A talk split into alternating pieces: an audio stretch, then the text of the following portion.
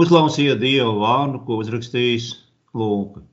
Pēc kādām astoņām dienām, kad Jēzus bija šos vārdus sacījis, viņš ņēma sev līdzi Pēteri un Jāni un Jākabu un uzkāpa kalnā Dievu lūgu. Un viņam lūdzot, viņa vaigs mainījās, un viņa drēbes tapa mirdzoši baltas. Un redzi, divi vīri ar viņu sarunājās, tie bija Mūzes un Ēlija. Tie parādījušies godībā, runāja par viņa aiziešanu, kam bija jānotiek Jeruzalemē. Pēteris un viņa biedri bija miega pārņemti, bet pamodušies tie ieraudzīja viņa godību un abus vīrus pie viņa stāva. Kad tie jau grasījās aiziet no viņa, Pēteris, nesaprastams, ko viņš runā, teica Jēzum: Mācītāji, te mums ir labi. Taisīsim trīs teltis, vienu tev, vienu mūzum un vienu ēliju. Kamēr Pēteris to teica, uznāca padebesis un viņu sapēnoja. Un mācekļus pārņēma izbailes, kad tos apņēma mākonis. No padebeša atskanēja balss: Šis ir mans izredzētais dēls, klausiet viņu. Kad šī balss atskanēja, Jēzus jau bija palicis viens, un viņi klusēja, un tanīs dienās nevienam neko nestāstīja par redzētu. Āmen. Evanģēlis Lūks stāsta, ka pirms apmēram nedēļas, jeb kādām astoņām dienām, Jēzus bija uzdevis mācekļiem jautājumu: Ko jūs sakāt? Kas es esmu? Un vienmēr runāt gatavais Pēteris bija atbildējis: Dieva svaidītais.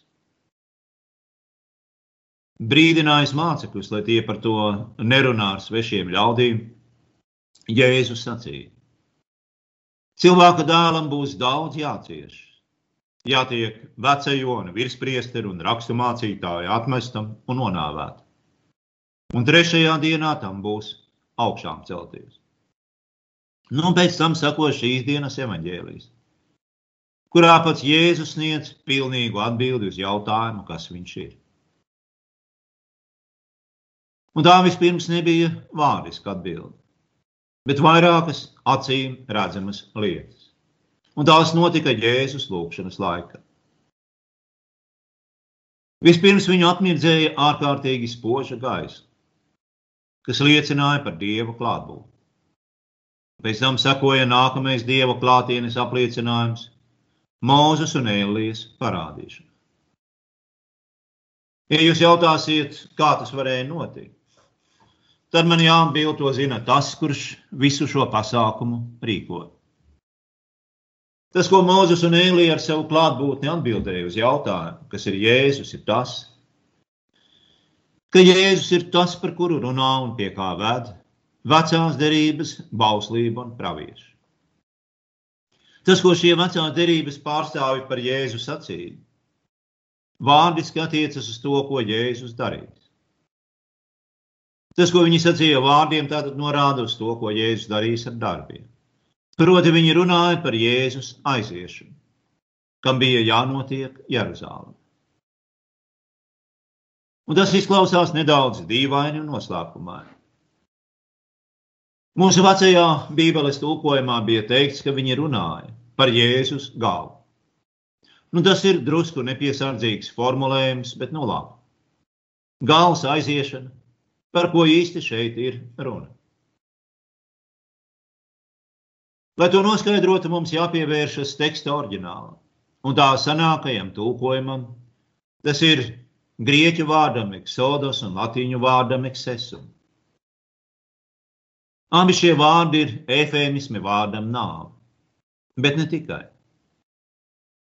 Vecā derības grieķu tulkojumā arī otrā mūzes grāmata saucas Exodus.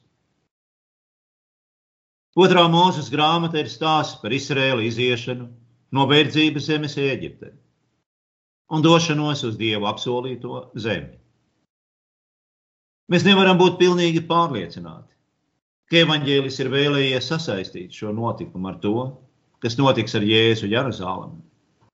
Un tādēļ mums ir jāsāk no otra gala. Proti ar to, par ko varam būt pārliecināti. Pārliecināti mēs varam būt par to, ka runa ir par Jēzus nāvi Jeruzālē. Citvietā evanģēlijos Jēzus savu nāvi sauc par paaugstināšanu un pagodināšanu, un arī par aiziešanu pie tēva. Un tas ļauj mums izdarīt pārsteidzošu kopsavilku. Līdzīgi kā Izraēla tauta devās prom no verdzības zemes uz godības pilnu apsolīto zemi, kur pats Dievs mājos pie tiem, tā Jēzus ar savu nāvi izies no šīs pasaules verdzības zemes pie sava debesu tēva godībā. Un tas varētu šķist grūti saprotams, vai ne sevišķi interesants stāsts par dīvainajiem dieva ceļiem. Ja vien mums nebūtu sacīts, ka Jēzus ir mūsu ceļš, un savu šī zemes ceļu no kalpības uz godību pie tēva, viņš veids mūsu vietu. Īsi sakot, Viņa tauta, jaunais Izraels, caur Jēzu virzās uz apsolīto zemi, jauno pasauli, dzīvi kopā ar Dievu. Viss būtu vienkārši un skaisti, ja visam pa vidu un pašā centrā nestāvētu vārds nāve. Nāve ir kaut kas tik nepatīkams un mulsinošs, ka ne tikai mūsdienu sabiedrība to cenšas turēt iespējami tālu no cilvēku acīm un prāta. Bet arī evanģēlijs Lūka, kurš pēc profesijas ir ārsts, vārdu nāve vietā lieto efēmismu - aiziešana jeb iziešana.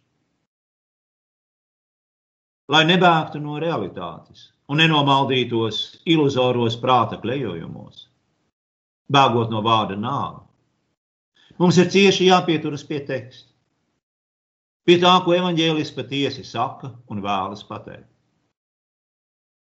Un līdz šim mēs esam noskaidrojuši trīs lietas. Tur, kur ir Jēzus, tur ir klātesošs pats Dievs. Tas, ko Dievs darīja vecajā derībā, ved pie Jēzus.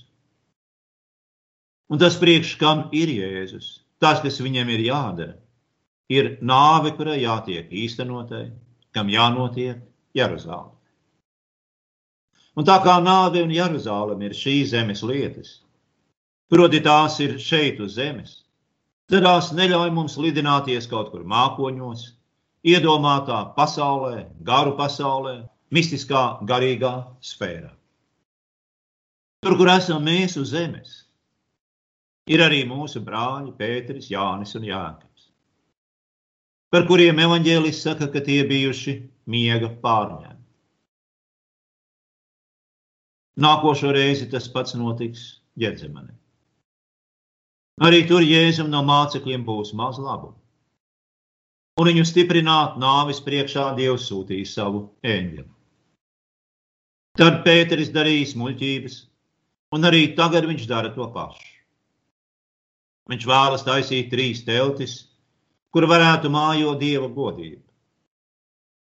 Kā tas bija vecās derības laikos, kad dieva godība mājoja sajiešanas telti.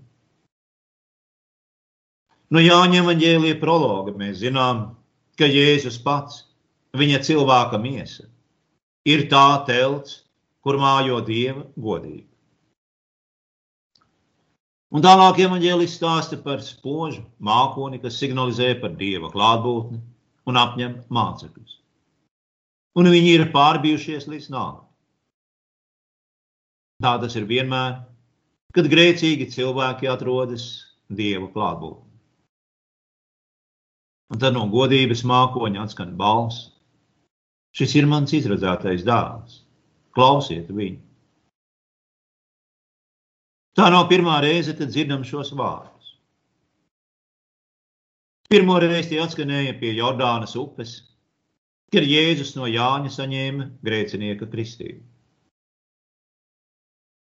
Jēzus pieņēma kristību, solidarizējoties ar grēciniekiem, un tādējādi uz saviem pleciem viņš ņēma visus grēkus, un arī grēka sakas, grēka algu nav. Un šie paši vārdi tagad tiek atkārtoti apskaidrošanas kalnā. Evanģēlis saka, ka tad, kad šī balss atskanēja, Jēzus bija palicis viens. Te nebija vairs Mozus un nebija Ēlijas, jo darbs, kuru grasījās veikt Jēzus, bija pa spēkam tikai viņam. Lai gan vecās derības dižanie vīri bija prom, Dieva godība palika kopā ar Jēzu. Un kā mēs to varam zināt? Nu, protams, klausoties tajā, ko debesu Tēvs saka.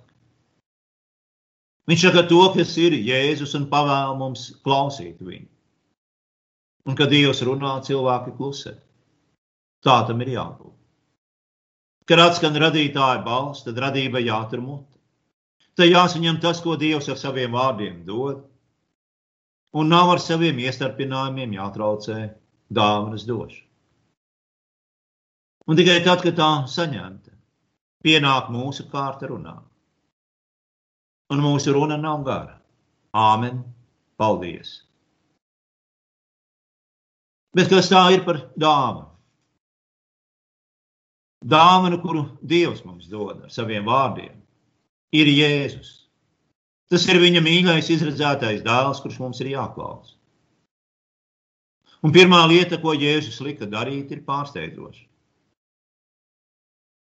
Viņš neliek mācekļiem skriet uz Jeruzalemi un visiem stāstīt par piedzīvoto, bet pagaidām nevienam par to neko nesacīja.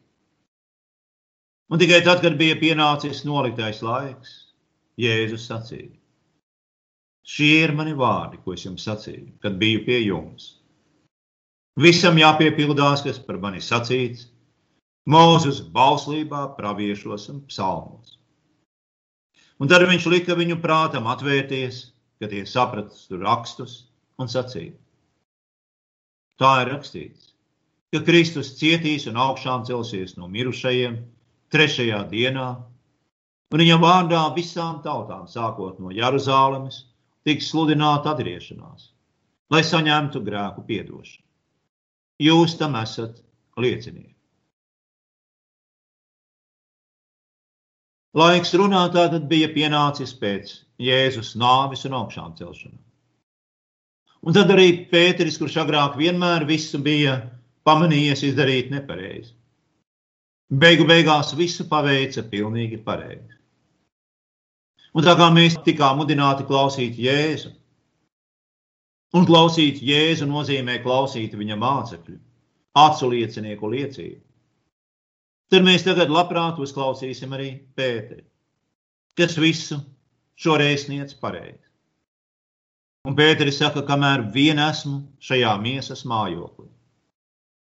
Es uzskatu, ka ir taisnīgi ar atgādinājumiem jūs turēt nomodā.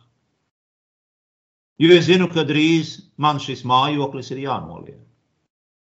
Kā arī mūsu kungs Jēzus Kristus man to ir atklājis. Es centīšos arī, lai pēc manas aiziešanas jūs vienmēr šīs lietas atcerētos. Nevis sagudrotiem stāstiem sakodā, bet kā viņa varenības aculiecinieki. Mēs jums atklājam mūsu Kunga, Jēzus Kristus spēku un atnākšanu. Kad viņš no Dieva tēva saņēma godu un slavu, varenās godības balss atskanēja pavēstīdama viņam: Šis ir mans mīļais dēls, uz ko man labs prāts. Šo balsi mēs dzirdējām no debesīm atskanam, kad kopā ar viņu bijām uz svētā kalna. Turklāt mums ir praviešu vārds, kas ir vēl stiprāks. Un jūs darāt labi tam pievēršoties kā dagošai lāpai, krāsainā vietā. Līdz kamēr uzausīs diena un rīta zvaigzne uzlieks jūsu sirdīs.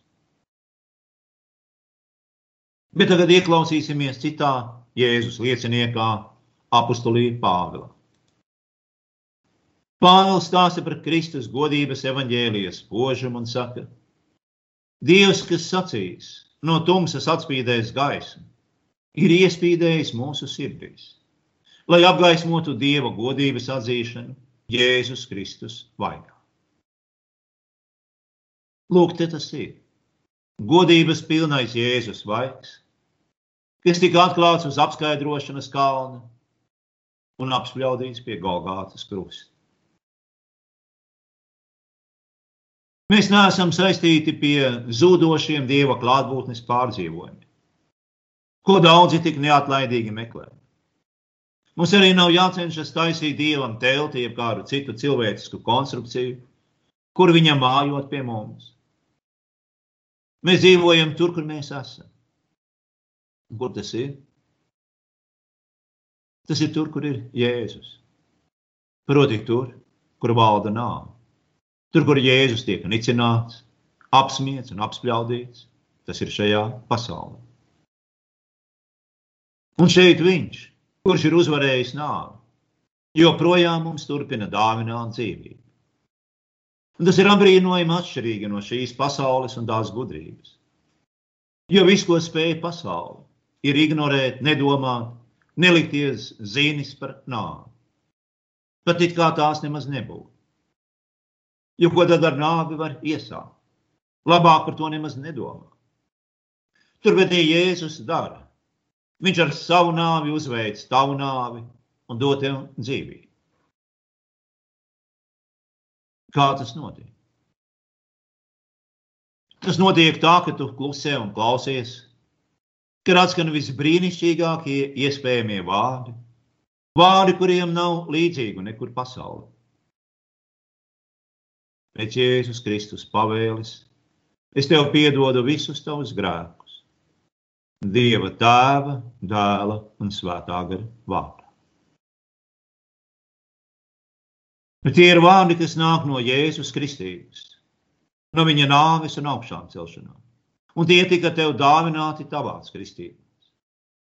Un tie atkal un atkal tiek atkārtoti, lai to zinātu, ka grēkam un līdz ar to arī nāvei nav vairs varas pār tevi. Tas nav psiholoģisks mierinājums.